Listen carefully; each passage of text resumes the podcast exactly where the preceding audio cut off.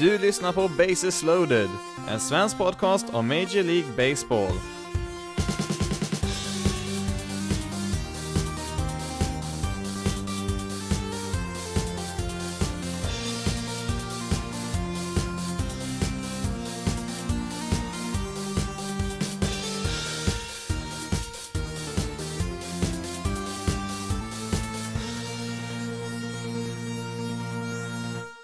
Hej och välkommen till veckans avsnitt av Bases loaded, en svensk podcast om Major League Baseball. Som vanligt så blir det lite nyheter och annat som hänt i MLB under veckan. Det kommer däremot inte bli speciellt mycket om eh, trade deadlinen som var förra veckan för att eh, det gjorde ett helt specialavsnitt om det i fredags där så att om man vill ha lite mer koll på vad som hände med alla trader där så kan man kolla in föregående avsnitt där som bara handlar om det. Med det sagt så tar vi och kör igång direkt här med vad som hände i Cincinnati förra veckan och ehm, ja, Red Sox Pirates har haft några riktigt heta möten mellan varandra i år och ehm, ja, i förra veckan här då så fullständigt exploderade det ju på planen här. Eh, det hela började ju egentligen i början av säsongen där när Chris Archer blev förbannad på Derek Dietrich där i Cincinnati och ehm, ja, han eh, försökte ju kasta på Dietrich där i en match och ja, han träffade väl inte, han, han kastade väl bakom ryggen där men eh, ja, det var en ganska tydlig markering där att Archer tyckte att Dietrich hade gjort någonting fel där. Han hade väl stått och tittat på någon homerun lite för länge där innan han springer runt baserna och eh, ja, i vanlig ordning där så är det en del eh, pitchers som tycker att eh, ja, om man showar för mycket, ja då förtjänar spelaren att få en boll kastad på sig. I vilket fall som helst så blev det ju lite gruff där mellan lagen på planen och vi fick ju även den här klassiska bilden på Yassel Puig där när det ser ut som han försöker slåss mot hela Pirates roster helt själv där och ja, det har ju varit lite upprört efter det också mellan de här två lagen. I tisdags då så var det ju dags igen när Pirates relief pitcher Keo Nikella kastade en fastball där på 97 miles per hour som gick strax över huvudet där på just Derek Dietrich och eh, ja, det är ju självklart hur farligt som helst att kasta så nära huvudet som han gjorde där. Nu träffade han ju inte den här gången, men det kan ju gå väldigt illa att få en sån boll rätt i skallen. Efter matchen sen så sa ju Kella själv att det var en avsiktlig markering där mot eh, Dietrich att han eh, inte var nöjd över hans eh, beteende i tidigare matcher där under säsongen och han tyckte väl där Kella att det var på tiden att någon gjorde något åt det där att eh, sätta ner Didrik på sin plats där tyckte han väl. Lite senare där i matchen så kastade en av Reds eh, relief pitchers en boll som eh, faktiskt träffade en Pirate-spelare, jag tror det var Sterling Marte där som blev träffad och ja, många trodde väl att ja, nu har väl Reds fått sin hämnd här för den här matchen och att det skulle ta slut där, men ja, kvällen var ju långt ifrån över efter det. Pirate, a pirate has been tossed, and here comes Amir Garrett. He's leaving the mound. He wants a piece of somebody. Amir Garrett takes a swing and gets a punch. The Pirates bench is emptied. Uh, and punches Amir are Garrett being went flying. They are hitting each other Punches all over the place. This is not This usually. is a real fight. This is Derek not a pusher. Dietrich involved. There are punches being thrown. Somebody got a haymaker from Amir Garrett. Chris Archer being held back. Kyle Crick wants a piece of someone. Precis i slutet där på matchen så uh, var det en del tjafs där mellan Reds relief pitcher Amir Garrett och Pirates dugout där. De var väl inte riktigt överens om något där och uh, de uh, sa väl saker fram och tillbaka där och till slut så fick väl Garrett nog här och um, ja, han lämnade bollen till sin manager, släppte handsken och sprang över till Pirates dugout där och skulle börja slåss med dem där. Eller ja, det var rättare sagt någon specifik person han var ute efter det, men när han väl kom dit så dränktes han ju i ett svart hav utav Pirates-spelare där innan resten utav Garretts lagkamrater kunde anlända där och hjälpa honom där i tumultet. Som du hörde där av kommentatorn i ljudklippet så var det inte någon sån här vanligt gruff som det blir när man står och kanske knuffar lite lätt på varandra och pekar och säger lite dumma saker till motståndaren, utan här flög det ju knytnävar till höger och vänster ett tag och ja, det knuffades och brottades ganska bra där ett tag innan majoriteten kom in där och försökte dra isär ett spelare och ledare från varandra där. Det mest bisarra i den här händelsen var väl när Reds manager David Bell, som tidigare i matchen hade blivit utvisad där utav domaren, han kom ju tillbaka där på planen när det och rusar rätt in i klungan där, men inte för att eh, hindra sina spelare från att slåss där och, och dra isär dem och lugna ner dem. Nej, han ville också vara med och slåss lite där och han försökte ju springa rätt in i Pirates manager Clint Hurdle, men i all kaos där så råkade han väl springa ihop med någon annan eh, Pirates eh, tränare eller ledare eller vad han nu var och hamna i en brottningsmatch på marken där med honom där istället, så att eh, det var allmänt kaos där under en liten stund där i matchen. Förra gången de här två lagen rök ihop så hade väl Yassel Puig huvudrollen där och eh, visst, han fanns absolut med här också i sin sista match i Cincinnati här. Och mm, ja, han fick ju hållas tillbaka utav flera av sina lagkamrater där som fick kämpa ganska hårt där för att eh, hålla tillbaka en ursinnig Yassel Puig där. Och mm, ja, det var ju som sagt eh, Puigs sista match i Cincinnati för att precis innan den här fighten bröt ut så blev det väl klart där att han skulle tradas till Cleveland Indians och han hade väl inte fått reda på det än så att han var ju ute där och slogs med sina sina ja, före detta lagkamrater var det ju vid det tillfället just då. Och det innebär ju också att han kommer att eh, få avtjäna sitt eh, straff. Eh, han fick ju tre matchers avstängning för sin roll i, i det här slagsmålet här och det innebär att han kommer få känna, avtjäna det straffet med Cleveland Indians istället. Vems fel är allt det här då egentligen?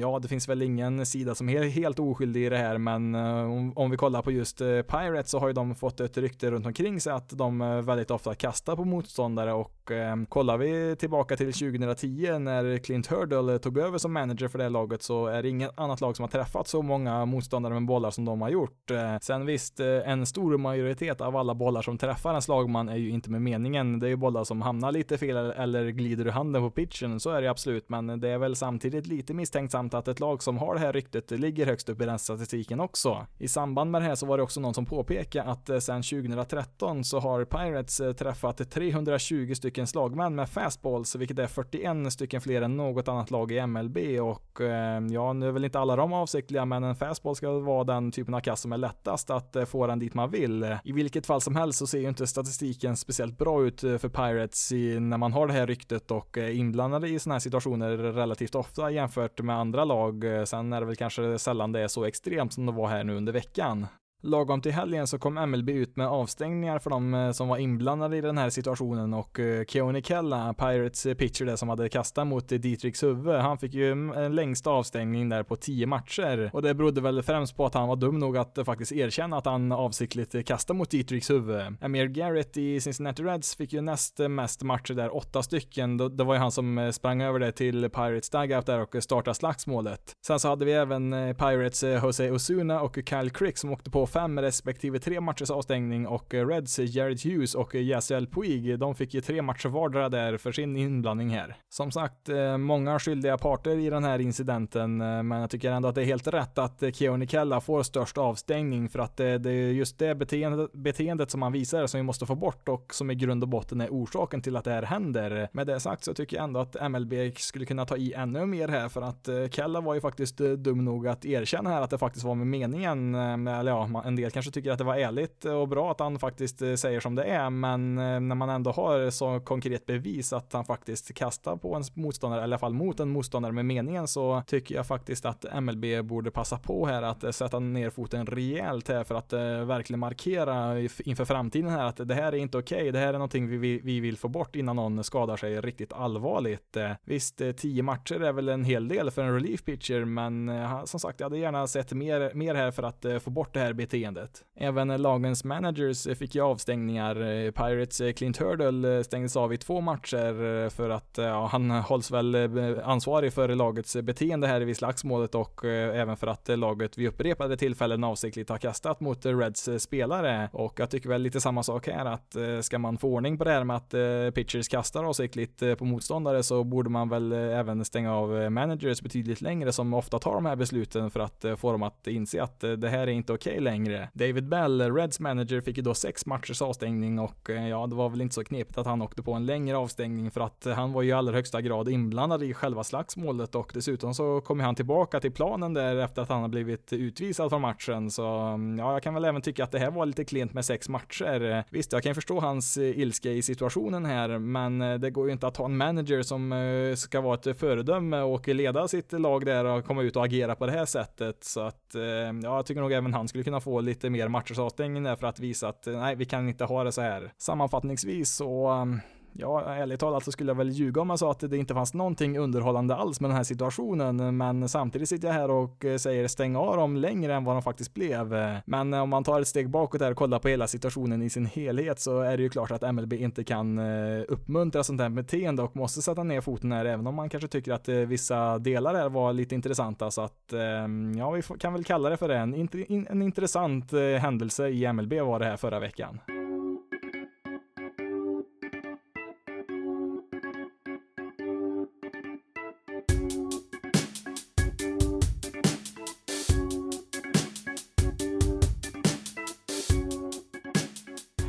Bases loaded in the sixth. The 2 1 that Smith drives in the air to center field. Back goes Margot. At the wall. Grand slam. Will Smith. I am legend. Vi har ju sett många unga lovande spelare få göra sin MLB-debut i år och eh, flera av dem har ju också gjort eh, succé, bland annat eh, Fernando Tatis Jr och Pete Alonso är ju två exempel där. Även i Dodgers så har vi ju sett flera spelare presentera sig på MLB-scenen här nu i år och inte allra minst deras nya ordinarie catcher Will Smith. Har ju nämnt honom förut här på podcasten då han fick göra några inhopp här på MLB-nivå tidigare under säsongen, eh, men eh, sen eh, någon vecka tillbaka här så har man ju tagit beslutet att skicka ner sin andra catcher Austin Barnes till AAA för att göra Will Smith till deras catcher på heltid. Och ja, han har ju minst sagt imponerat här i början i alla fall. Han har ju registrerat minst en hit i 12 utav de 16 matcher han har spelat i så här långt i år. Och ja, det har varit en del viktiga sådana också för han har ju någon walk-off där och som du hörde där i ljudklippet där så slog han ju en grand slam här nu förra veckan mot eh, Padres. Trots sin eh, starka start offensivt där för Dodgers så är väl Smith egentligen mer känd för att vara en defensiv catcher som har en del eh, frågetecken som slagman men ja, de frågetecknen har ju varit utropstecken så här långt de få matcherna spelat på MLB-nivå i år i alla fall. Lite intressant är ju att Smith inte ens är Dodgers bästa catching prospect. De har ju en till där som är deras bästa prospect i hela deras farmsystem där, Cabert Reese, som nyligen flyttades upp till AAA, så att han ska ju inte heller vara så här jättelångt ifrån att eh, få göra sin MLB-debut. Och frågan blir ju då om Cabert Ruiz lever upp till sina förväntningar om båda de här två kommer få plats på Dodgers roster, men ehm, ja, Smith sägs ju kunna spela på fler, eh, flera andra positioner också, förutom catcher, så att det är väl inte helt omöjligt att vi får se de här två tillsammans på Dodgers roster inom en ganska snar framtid. Med allt det sagt eh, så är det viktigt att ha i åtanke med spelare som eh, Will Smith som eh, rivstartar sin MLB-karriär att många av dem faller ju ofta tillbaka till jorden ganska rejält. Ett bra exempel är ju Atlanta Braves Austin Riley som kom upp här i maj och han krossade ju varenda boll han såg där ett tag och ehm, ja, fram till mitten av juni någonstans där så hade han en slashline på 293, 333, 629 och en VRC plus på 141. Sen dess så har han en slashline på 190, 258, 379 med en VRC plus på 58. VRC plus är ju den här statistiken som eh, mäter hur mycket man producerar offensivt och en spelare som eh, har 100 i VRC plus är då genomsnittligt genomsnittlig i MLB så att eh, Austin Riley har ju gått från 40% bättre än genomsnittet i MLB till 40% sämre än genomsnittet eh, och ehm, ja, som sagt, det kan vända ganska snabbt, eh, framförallt för rookies då som inte har spelat på MLB-nivå förut. När en spelare kommer upp på MLB-nivå för första gången så har ju inte motståndarlagen lika mycket information om de spelarna jämfört med de andra mer rutinerade spelarna i ligan, men efter några veckor så har man ju tillräckligt med info där för att kunna analysera spelarens styrkor och svagheter och hur de bäst eh, kan utnyttja dem där och eh, ja, det kan vara ganska svårt för en spelare som är ny på den här nivån att anpassa sig till det. Återstår väl att se då för en spelare som just eh, Will Smith här då om han kan fortsätta spela på en hög nivå eller om han likt många andra rookies kommer hamna i en formsvacka när de andra lagen kommer på vilka brister han har. I vilket fall som helst så kommer ju inte Will Smith kunna fortsätta spela riktigt så här bra. Hans nuvarande VRC plus ligger på 196 efter 16 matcher, alltså 96% bättre har han presterat som slagman jämfört med genomsnittet i MLB. Då kan man jämföra med en sån spelare som Mike Trout vars högsta VRC plus under en hel säsong, det är 191 som han presterade förra året. I början av avsnittet så nämnde jag att eh, det inte kommer bli något om trade deadlinen här i detta avsnitt, eh, men vi ska ta en sak här som är, ja det har väl lite grann med det att göra för att eh, det finns faktiskt lite olika sätt som lagen faktiskt fortfarande kan förstärka sina lag inför ett eventuellt slutspel och det innebär faktiskt att man kan trada vissa spelare även om deadlinen var sista juli där, alltså förra onsdagen. En viktig sak att ha i åtanke här, det är att en spelare måste ha varit på lagets MLB-roster senast den 31 augusti för att att han ska kunna få representera det laget eh, i slutspelet. Men vad kan lagen då göra för att eh, stärka sina lag här nu de sista två månaderna och eh, i ett eventuellt slutspel? Ja, de kan faktiskt fortfarande trada minor League-spelare och visst, det finns väl lite halvintressanta veteraner i AAA kanske som skulle kunna vara intressanta för några lag som behöver lite bredd där i truppen. En spelare som har representerat ett lag på MLB-nivå och sen flyttats ner till deras minor League-lag kan inte tradas, alltså har de varit uppe på en MLB-roster i år så kan de inte tradas nu efter sista juli. Däremot så kan ju en spelare som har skrivit på ett minor League-kontrakt inför säsongen som inte har kallats upp på en MLB-roster, ja de kan faktiskt tradas så att det finns faktiskt lite alternativ där om man letar lite där. Sen så kan man faktiskt lagen trada prospects med varandra, alltså de här unga spelarna som inte har fått eh, chansen på MLB-nivå än, men eh, det är väldigt eh, ovanligt att man byter prospects med varandra mellan lag, men alternativet finns i alla fall. Det finns ju faktiskt en en hel del unga prospects som säkert eh, skulle kunna ta en plats i MLB eh, redan idag, men det är oftast väldigt bra prospects eh, som lagen sällan vill trada iväg, så att det kommer nog inte vara så många sådana trader som händer om ens någon.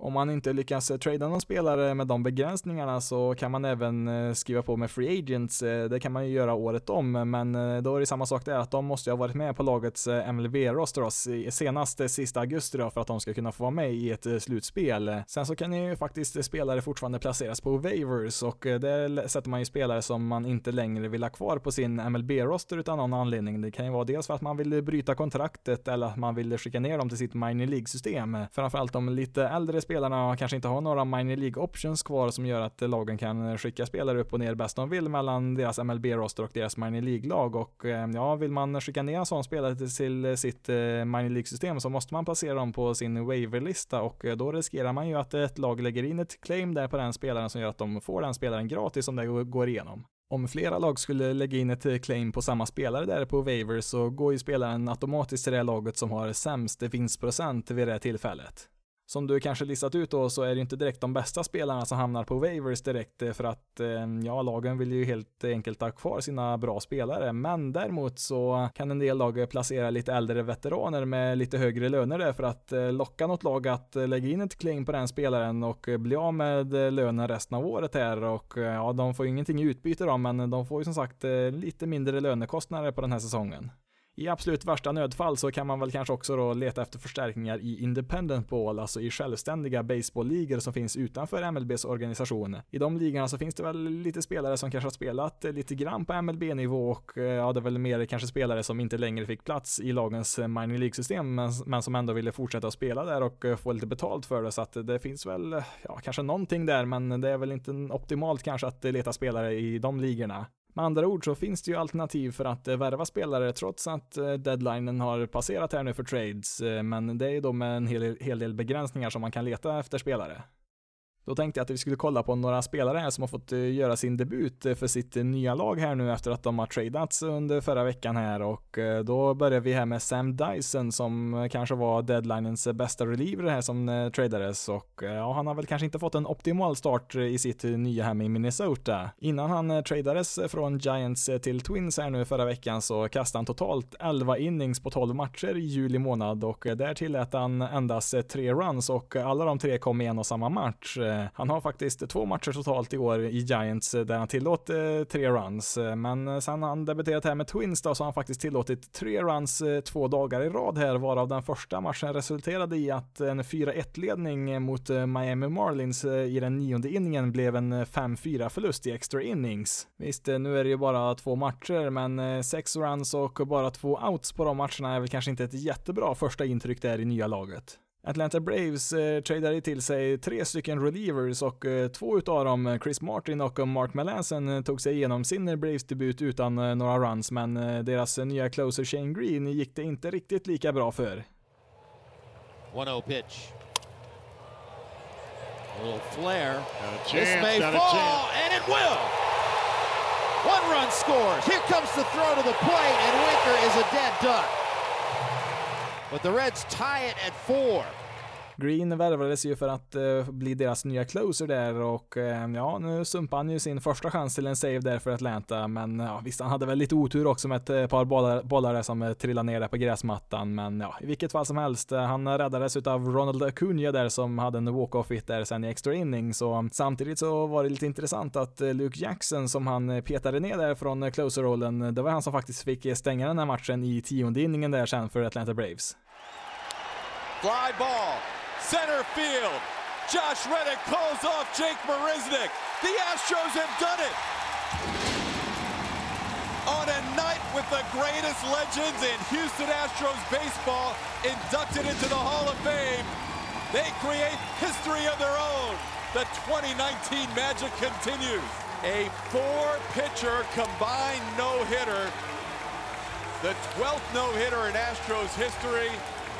The second at Minute Maid Park. Mike Byers when he joined the team in 2015, and tonight there was another new addition, Aaron Sanchez, with six of those no-hit innings. Vi hade faktiskt inte mindre än tre stycken starting pitchers som i lördags eh, gjorde sin eh, debut eh, för sitt nya lag och ja, Aaron Sanchez i Houston Astros var helt klart den som gjorde bäst ifrån sig. Han tradades ju från Blue Jays till Astros där och ja, i sitt första framträdande i Houston så blev det sex innings med endast två walks tillåtna. Efter Sanchez så kom ju Will Harris, Joe Biagini och Chris Devinsky ut från Astros bullpen där och kastade en varsin inning och även de gjorde det utan att tillåta en enda hit, vilket då resulterade i en kombinerad no-hitter. Just det, Biagini kom ju i samma trade eh, från Blue Jays eh, som Aaron Sanchez gjorde och eh, ett annat nyförvärv, Martin Maldonado, var ju faktiskt catcher i den här matchen också. I vanliga fall så är jag väl inte så jätteintresserad utav kombinerade no-hitters när flera pitchers är inblandade, även om det är klart är imponerande, men det blir väl lite extra speciellt här nu med tanke på att det här faktiskt var Aaron Sanchez eh, första match i Houston Astros här. Många hade väl nog kanske förväntat sig att eh, Astros eh, skulle kunna hjälpa Sanchez att nå upp till sin potential igen, men få hade väl kanske trott att det skulle ge utdelning direkt här. Astros största nyförvärv, Zach Greinke, förväntar göra sin första match för Astros här nu på tisdag. Ett par andra pitchers som fick debutera för sina nya lag utan lika stora framgångar var ju Marcus Stroman, numera i New York Mets. Han fick plockas ut efter en out i femte inningen där och då hade han tillåtit tre runs i matchen där. Visserligen så har ju Strowman inte kastat på tio dagar där så att eh, han kanske var lite rostig där. Samma ursäkt eh, hade ju inte Cincinnati Reds nya starting pitcher Trevor Bauer som tekniskt sett hade en marginellt bättre start än Strowman med tre tillåtna runs eh, efter två outs i den femte inningen och eh, ja, Braves tvingade honom att jobba hårt där för de fick upp hans pitch count där till 107 där redan så tidigt där i matchen. Vi ska lämna MLB här en liten kort stund för att eh, vi hade en väldigt unik händelse i en minor League-match här nu under veckan och eh, ja, det var närmare bestämt i Burlington där ett av Royals eh, rookieball-lag spelar. Burlingtons pitcher Malcolm Van Buren lyckades med något extremt eh, sällsynt i den här matchen för att i den sjunde inningen så började han med att eh, strika ut eh, sin första motståndare utan några problem. Nästa motståndare strikade också ut där, men bollen studsade i marken i samband med det här så att slagmannen kunde ju då försöka springa mot första bas där och ehm, ja, det gjorde han ju samtidigt som catchen kastade iväg bollen där som gjorde att motståndaren då kunde ta sig säkert till första bas där. Då blev det dags för motståndare nummer tre här i inningen och ja, han strikade ut där utan några som helst konstigheter. Motståndare nummer fyra, ja, han strikar faktiskt också ut här, men catchen kunde inte riktigt eh, hålla ordning på bollen där och den studsade iväg där någonstans eh, samtidigt som slagmannen då säkert kunde avancera till första bas. Sammanfattningsvis eh, så här långt i inningen så har ju Van Buren då mött fyra stycken olika slagmän och strikat ut alla fyra, men inningen fortsätter ändå för att eh, två stycken lyckades ju trots det avancera säkert till första bas eh, tack vare att catchen slarvar bort bollen vid de tillfällena. Van Buren fick ju då snällt eh, ställa upp där och eh, kasta mot en eh, femte slagman där, trots att han redan strikat ut fyra spelare här i inningen och ja, då hände det här. No balls, two strikes, two outs. Bases loaded, top seven. Six to five twins. They're up to bat. Malcolm Van Buren has four strikeouts this inning. Two drop third strikes. Here's the 0 2 pitch. Swing and a miss, strike three. Malcolm Van Buren makes history. Five strikeouts in one inning, and the top of the seventh is over. Att en pitcher har fyra strikeouts i en och samma inning, det händer ju faktiskt eh, lite då och då, men fem stycken eh, strikeouts i en och samma inning, det är ju extremt ovanligt. Fly ball right field. You got It's deep to right. He has done it again. His second three home run game in nine days. Med två månader kvar utav säsongen så såg jag fram emot ett väldigt intressant eh, homerun-race här. Inte racet för den som slår mest homeruns den här säsongen, eller ja, visst det är väl också lite intressant, men det jag var mest intresserad för det är att se vem som skulle bli årtiondets bästa homerun-hitter. Nu säger det väl inte så här jättemycket om att bara dra en gräns är vid ett år som råkar vara första året eh, just det decenniet, men det är ändå lite kul att eh, kolla vilka spelare som har presterat bäst här just det här årtiondet för att eh, ja, det är ju faktiskt det sista året innan vi kliver in på 20-talet. I ljudklippet där så hörde du när Nelson Cruz slog iväg sin tredje homerun i en och samma match där under förra veckan och det var ju faktiskt hans andra match där med tre homeruns på ganska kort tid och han har faktiskt tagit över första platsen där i racet racet eh, om vem som har slagit mest homeruns eh, sedan 2010. Anledningen till att det här racet är så pass intressant, det är att den spelaren han passerade här nu under veckan eh, faktiskt fortfarande är aktiv och själv slår väldigt mycket homeruns, nämligen Yankees Edwin Encarnacion. I nuläget när jag sitter och spelar in här så har Cruise 332 homeruns, eh, en mer än Encarnacion där och det hade ju varit riktigt kul att se vem som hade gått eh, segrande ur denna fight men tyvärr så verkar det som att eh, det redan nu är avgjort. Encarnacion träffades nämligen utav en boll här nu i helgen och åkte på en fraktur i handleden och kommer i bästa fall vara tillbaka om tre veckor men troligtvis kommer det ta längre än så. Förmodligen så innebär väl det här att eh, Cruz kan eh, säkra segern här och eh, dra ifrån med en ganska stor ledning här som inte Encarnacion kan komma ikapp där. Ehm, ja visst kan han komma tillbaka relativt snabbt där och börja slå en massa homeruns direkt så finns det väl en liten, liten chans men troligtvis så har väl Cruz säkrat tiden här för årtiondets bästa homerun-hitter. Trean på listan kommer inte heller ha någon chans att komma ikapp. Det är nämligen Encarnacions lagkamrat Giancarlo Stanton som själv också är skadad. Han har ju 306 homeruns, han är ju nästan 30 stycken bakom Nelson Cruz där och ja, hade, även om han hade varit frisk idag så hade han ju inte kommit ikapp där. Kanske mest imponerande på listan är väl Mike Trout, eh, vilket i sig kanske inte är så jätteöverraskande att han är mest imponerande på någonting, men ja, han började ju först att spela några matcher där 2011 och det var väl först 2012 som var hans eh, första hela säsong där, men han ligger ändå på en sjätte plats där över flest eh, slagna homeruns de senaste tio säsongerna. Han har då slagit 276 stycken där Trout och han har faktiskt goda möjligheter att passera dels sin lagkamrat Albert Pujols på 284 homeruns och även Jose Bautista på fjärdeplatsen där på 285 homeruns. För övrigt, om man kollar på topp 20-listan så är det faktiskt bara Stanton och Trout som är under 30 år på den listan.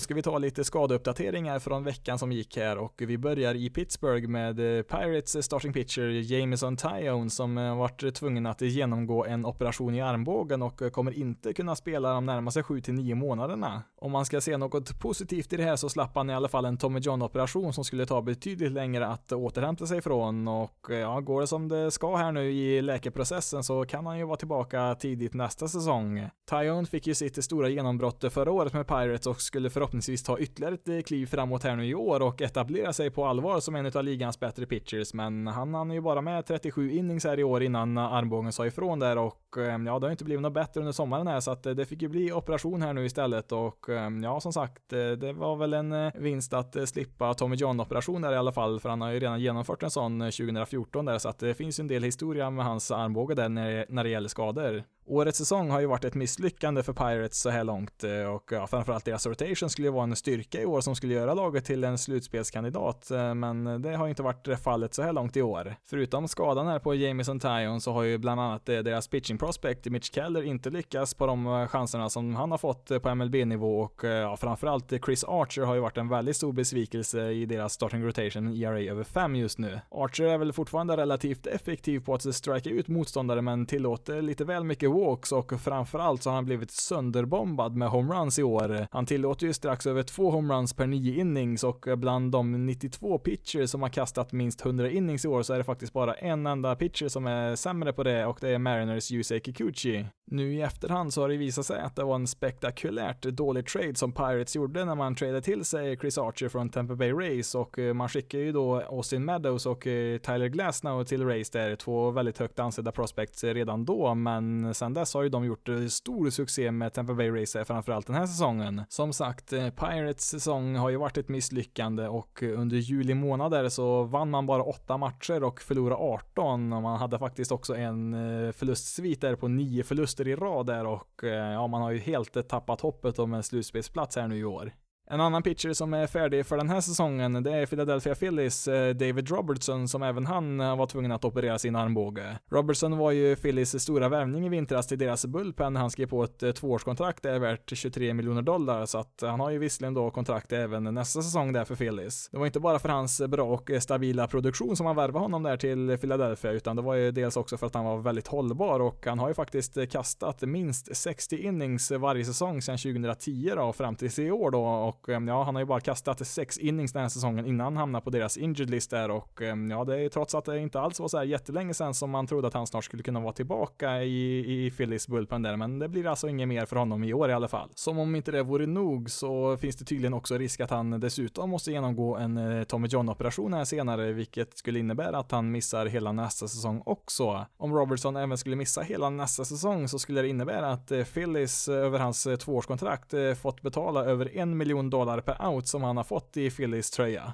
Andrew McCutchen var ju en annan spelare som Phillies värvade i vintras, dels på grund av hans förmåga att hålla sig skadefri, men ja, även han är ju som bekant skadad resten av säsongen, så att det har ju varit lite missflyt för Phillies i år också, som inte riktigt har nått upp till den nivå som han hade förväntat sig i år. Danny Salazar har ju inte kastat en boll i MLB sedan september 2017, men förra veckan så var det äntligen dags för återkomsten här i Indians efter en lång axelskada. Dock så blev det inte riktigt den återkomsten som många hade sett fram emot, framförallt inte när de kollade på vad radarn sa där om hans hastighet när han kastade. Den senaste tiden så har ju Salazar gjort lite rehabstarter i minor leagues där och där snittar han någonstans runt 91 till 93 miles per hour, vilket är betydligt lägre än de 95-96 som han snittade innan skadan där, men det är väl i och för sig kanske inte så jättekonstigt att han eh, kastar lite lösare där när han precis kommer tillbaka från en sån här allvarlig skada. I torsdags var det ju då som sagt äntligen dags igen då för Salazar att kasta för Indians eh, och eh, ja, inte helt oväntat så blev det ju bara fyra innings och han tillät två runs där, vilket ja, det är väl ingen katastrof så i sin första match tillbaka där, men det som inte såg så bra ut, det var ju att hans fastball snittade 86 miles per hour och kom aldrig högre upp än 88. Enligt han själv så berodde det på att han fick en känning i ljumsken där i första inningen och eh, kunde inte använda all kraft i benen där som ska ha dragit ner hastigheten. Eh, I vilket fall som helst så hamnade han direkt på Indiens injured list eh, efter matchen där och ja, förhoppningsvis är det inte mer än en lättare sträckning där i ljumsken som han sa där, men det måste ju ändå finnas en del oro för hans axel. Armbågsskador sker ju i princip varje vecka i MLB och flera är ju ganska allvarliga också, men samtidigt har det visat sig att man är relativt bra på att åtgärda de skadorna i armbågen. Detsamma kan man ju inte säga om axelskador som kan vara väldigt eh, komplicerade att komma tillbaka ifrån och om man nu kommer tillbaka så är det ju ingen garanti att man är samma pitcher. Hur illa det än kan tyckas med en Tommy John-operation som genomförs i armbågen så kommer en väldigt stor majoritet tillbaka minst lika effektiva som de var innan och ehm, ja, idag så kastar ju många dessutom hårdare efter en Tommy John-operation. Samtidigt så är den andel pitchers som kommer tillbaka från allvarliga axelskador betydligt lägre än de som drabbas av allvarliga armbågsskador. Lite extra intressant är ju också med tanke på att man nyligen tradeat bort en starting pitcher i Trevor Bauer i hopp om att man skulle få tillbaka lite pitchers här från skada och att deras yngre förmåga skulle kunna ersätta Bauer där i deras rotation. Så att ehm, ja, det blir lite intressant att följa året ut här nu om de kan eh, klara sig utan Bauer här nu och nå en slutspelsplats. Till sist har vi Max Scherzer, Nationals starting pitcher, som återigen har en strålande säsong, men hans rygg är i nuläget ett ganska stort orosmoment där i huvudstaden. Det sägs inte vara alltför allvarligt med ryggen där, men han har faktiskt bara startat två matcher i juli månad och placerades på deras injured list för andra gången här nu på ganska kort tid. Det är väl lite grann av en balansgång här för Nationals som visserligen behöver honom här och nu för att fortsätta hänga kvar i slutspelsracet, men samtidigt om de väl når dit så behöver de ju ha sitt ace där vid full styrka. Kan ju mycket väl vara så att eh, de försöker skydda honom från sig själv där med sin intensitet där, för det finns ju inte på kartan att han ska ta det lite lugnt ibland där när han väl är på planen. Eh, på lagets injured list så kan han ju inte tvinga sig in i deras startuppställning där och ehm, ja, huruvida det är något stort eller litet, eh, det, blir ju intressant att följa här resten av säsongen. Nationals ligger ju i nuläget på en wildcard-plats och om man skulle spela den matchen så finns det ju nästan ingen pitcher man hellre skulle vilja rulla ut där än Max Scherzer. Bo Bichette drives this one into center field and gone. Bo Bichette, his first big league home run.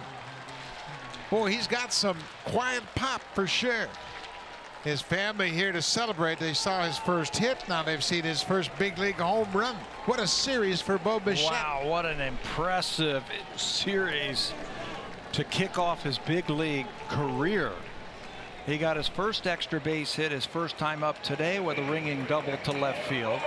And now he's going to get his first Innan vi går vidare till veckans bästa och sämsta så vill jag bara ta ett par namn här som har fått göra sin eh, MLB-debut under veckan här. Och eh, där hörde du när Bo Bichette eh, slog iväg sin första homerun i karriären där. Och ja, det var inte hans första match där var det inte, men hans debut kom ju här under veckan. Och ja, det innebär ju att Blue Jays framtida infield är på plats här nu. Man har ju sedan tidigare Kevin Biggio på andra bas och Vladimir Guerrero Jr på tredje bas där. Och nu har man ju då fått in Bo Bichette där på shortstop. Och de här tre ska ju utgöra Blue Jays kärna där under många år framöver. För övrigt så har ju även Bo Bichette eh, likt Guerrero och Biggio en pappa som har spelat i MLB under många år. Sen så är ju inte han någon Hall of Famer som pappa Guerrero och eh, pappa Biggio är men eh, det är ändå ganska häftigt att se en andra generation få spela tillsammans här i samma lag. Den andra spelaren jag vill nämna lite snabbt här som fick göra sin debut var Los Angeles Dodgers starting pitcher Dustin May som eh, fick eh, komma upp här och eh, spela mot San Diego Padres där och han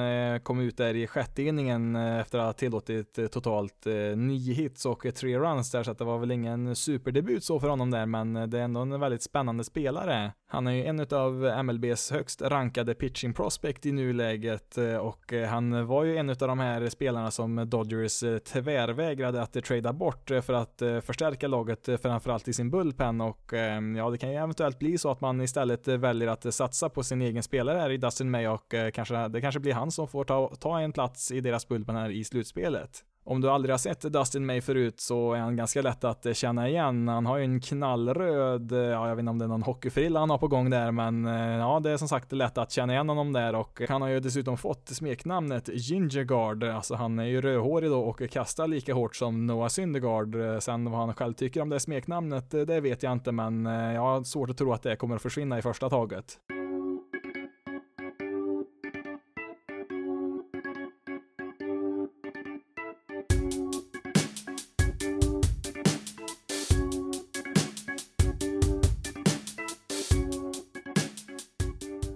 Då ska vi ta veckans bästa och sämsta, men innan dess så tar vi veckans statistik. Juli månad var ingen rolig period för Colorado Rockies. De kom in där i juli månad med ganska glatt humör ändå och alla förväntningar i världen eh, skulle man kunna säga. De hade ett record på 44 och 40 där och parkerade på andra plats där i National League West. Eh, visst, eh, nu la man väl redan då en bit bakom Dodgers i tabellen där, men det hade man väl kanske nästan räknat med där. Sen, ja, man hade ju en wildcard-plats där så att man var ju i allra högsta grad med i fighten där för att nå en slutspel för tredje året i rad. Men Eh, då kom ju tyvärr juli månad här för Rockies och eh, de eh, var ju helt plötsligt nästan sämst i hela MLB.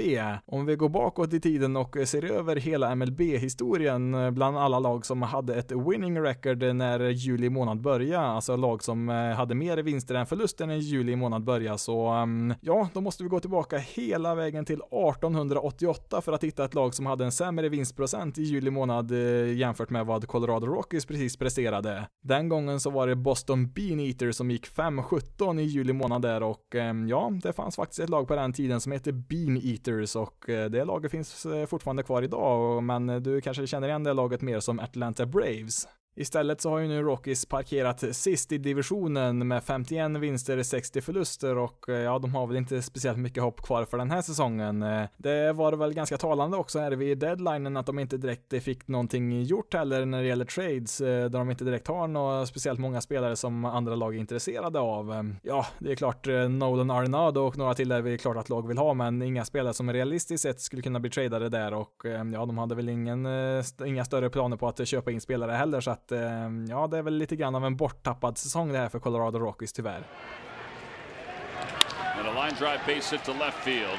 Abreu to third. They're waving him home. The throw to the plate by Velasquez on a couple hops is in time. How about that? Vince Velasquez with an outfield assist.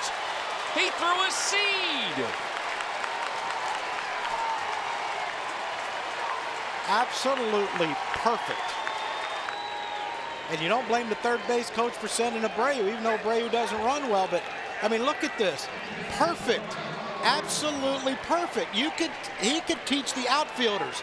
Every outfielder, that's the way you do it. Veckans bästa har väl flera olika kandidater, eh, bland annat då som jag nämnt en kombinerad no-hitter där för Houston Astros och eh, ja, även Walker Bueller i Los Angeles Dodgers hade en riktigt dominant match där med 15 strikeouts här under helgen, men eh, jag valde nog ändå Vince Velasquez här. Förra veckan så hade ju Phillies lite brist på outfielders och pitchers här i en maratonmatch och i den 14 inningen där så gjorde man det enda logiska i den situationen och placerade en pitcher i deras outfield och en outfielder sattes in som en pitcher. Ja, så kan man ju också göra och eh, det funkar ju nästan också. Roman Quinn, eh, Phillies outfielder, fick ju då äran här att försöka kasta in eh, lite bollar över hemplattan där och det gick ju faktiskt förvånansvärt bra där och när motståndarna där i White Sox väl fick träff på bollen så fanns ju då just Vince Velasquez där för att rädda upp situationen. Vince Velasquez är ju annars lagets starting pitcher, men här fick han ju då i extra innings då ställa sig i left field och ja, det skulle ju hända en hel del där för honom. Bland annat så hade han ju en fantastisk catch där när han dök efter en boll där och ja, hade han inte fångat den så hade ju White Sox eh, fått in minst eh, en run till där och eh, ja, som du hörde i, i klippet där så kastade han ju rätt bra för sin outfield position också. I 14 inningen där så kastade han ju en strike där från left field när han med ett riktigt imponerande kast kastade ut Jose Abreu där som försökte springa in en run där men med en lång variant av hans fastball där som han skickade iväg i nästan 95 miles per hour där perfekt till JT Real Muto så kunde ju han tagga ut Abreu där och ja, han upprepar nästan prestationen där även i nästa inning där, men bollen kom på någon, ja, någon tiondel för sent där till catchen eh, och White Sox eh, fick in den run som till slut skulle avgöra matchen. Eh, det är ju alltid kul att se position players som pitchers, men det är även lite kul att se pitchers på någon annan position också. Vi hade ju även Reds Michael Lorenzen där som hade en riktigt fin catch där i right field under veckan i samma match som han dessutom kastade en inning där så att det händer även att pitchers får hoppa ut på planen ibland.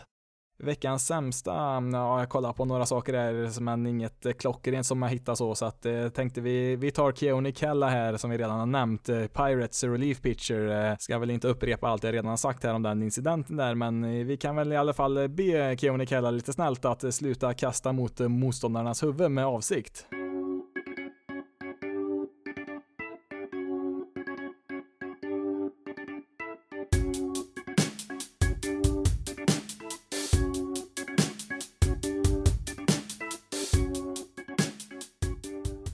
Avslutar vi med eh, lite tv-tider och som vanligt så tar jag de matcherna först och främst eh, som startar innan midnatt eh, svensk tid. På måndagen den 5 augusti så har vi en match som startar tidigt. Klockan 10 kan man se Marlins mot Mets och det är faktiskt gratismatchen på MLB TV som vem som helst kan kolla på där och den sänds även på Viaplay. På tisdagen sen den 6 augusti så har vi också bara en match där. Klockan 7 kan man se White Sox mot Tigers och den kan du se på både Viaplay och TV3 Sport sport. Eh, sen så kan man ju även se den självklart på MLB TV då om man har abonnemang där. Vid onsdagen den 7 augusti så har vi faktiskt hela nio matcher att eh, välja på där och det börjar redan klockan sex där med Marlins mot Mets. Eh, sen vid sjutiden har vi fyra matcher. White Sox mot Tigers, Braves mot Twins, Rangers mot Indians och Blue Jays mot Rays. Matchen där mellan Rangers och Indians sänds dessutom på Viaplay och TV3 Sport. Lite senare vid åtta tiden så kan man se Rockies mot Astros och gratismatchen på MLB TV Oakland mot Cubs. Eh, sen vid eh, klockan nio så kan man se Cardinals mot Dodgers och eh, den matchen sänds gratis på YouTube så att den kan du se vart du än har tillgång till YouTube utan någon kostnad. Sen så har vi även vid kvart i tio en match mellan Nationals och Giants. Tyvärr så har vi inga tidiga matcher på torsdagen, men fredagen den 9 augusti där så har vi en tidig match där klockan 9 mellan Oakland och White Sox och den matchen kan man även se på Viaplay. Lördagen den 10 augusti så har vi bara tre matcher tidigt där tyvärr och det börjar vid nio tiden när Yankees och Blue Jays spelar. Den kan man även se på Viaplay och TV3 Sport. Sen vid tio tiden så har vi Phillies mot Giants och Angels mot Red Sox. På söndagen den 11 augusti så kan man se 28 utav 30 lag med starttid mellan eh, klockan 7 till klockan 10 på kvällen där den enda matchen som startar efter midnatt det är då Phillies mot Giants den här veckan. Om vi kollar på de eh, lite tidigare matcherna vid 7-tiden där så ehm, ja, det är inte speciellt många intressanta möten där ärligt talat. Eh, det är väl om man vill se Mike Trout och hans Angels spela mot Red Sox där vid klockan 7 som sagt. Det är gratismatchen på MLB TV den dagen. Sen så, mm, ja, ja, Nationals mot Mets kan väl vara kanske lite intressant där. Vid åtta tiden så har vi ett eh, väldigt intressant möte mellan Indians och Twins det är väldigt viktigt möte där i divisionen eh, och sen då vid eh, nio och tio tiden har vi tre matcher där som, ja, det är väl inget jätteintressant så. Det är väl i så fall Diamondbacks mot Dodgers där vid klockan tio som skulle kunna vara lite intressant där.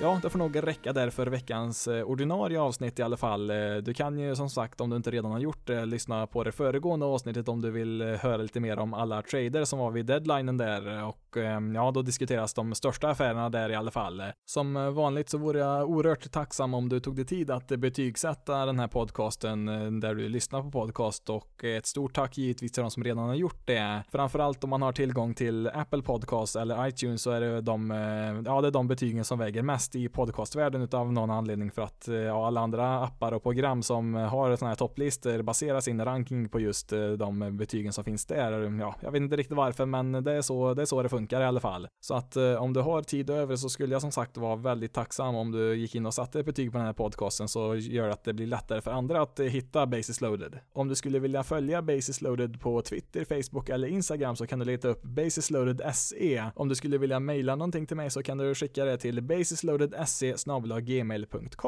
Men eh, nu har jag pratat tillräckligt för idag. Mitt namn är Jonathan Fabri. Tack så jättemycket för att du har lyssnat på det här avsnittet av Basis loaded. Ha det så bra där ute så hörs vi i nästa veckas avsnitt.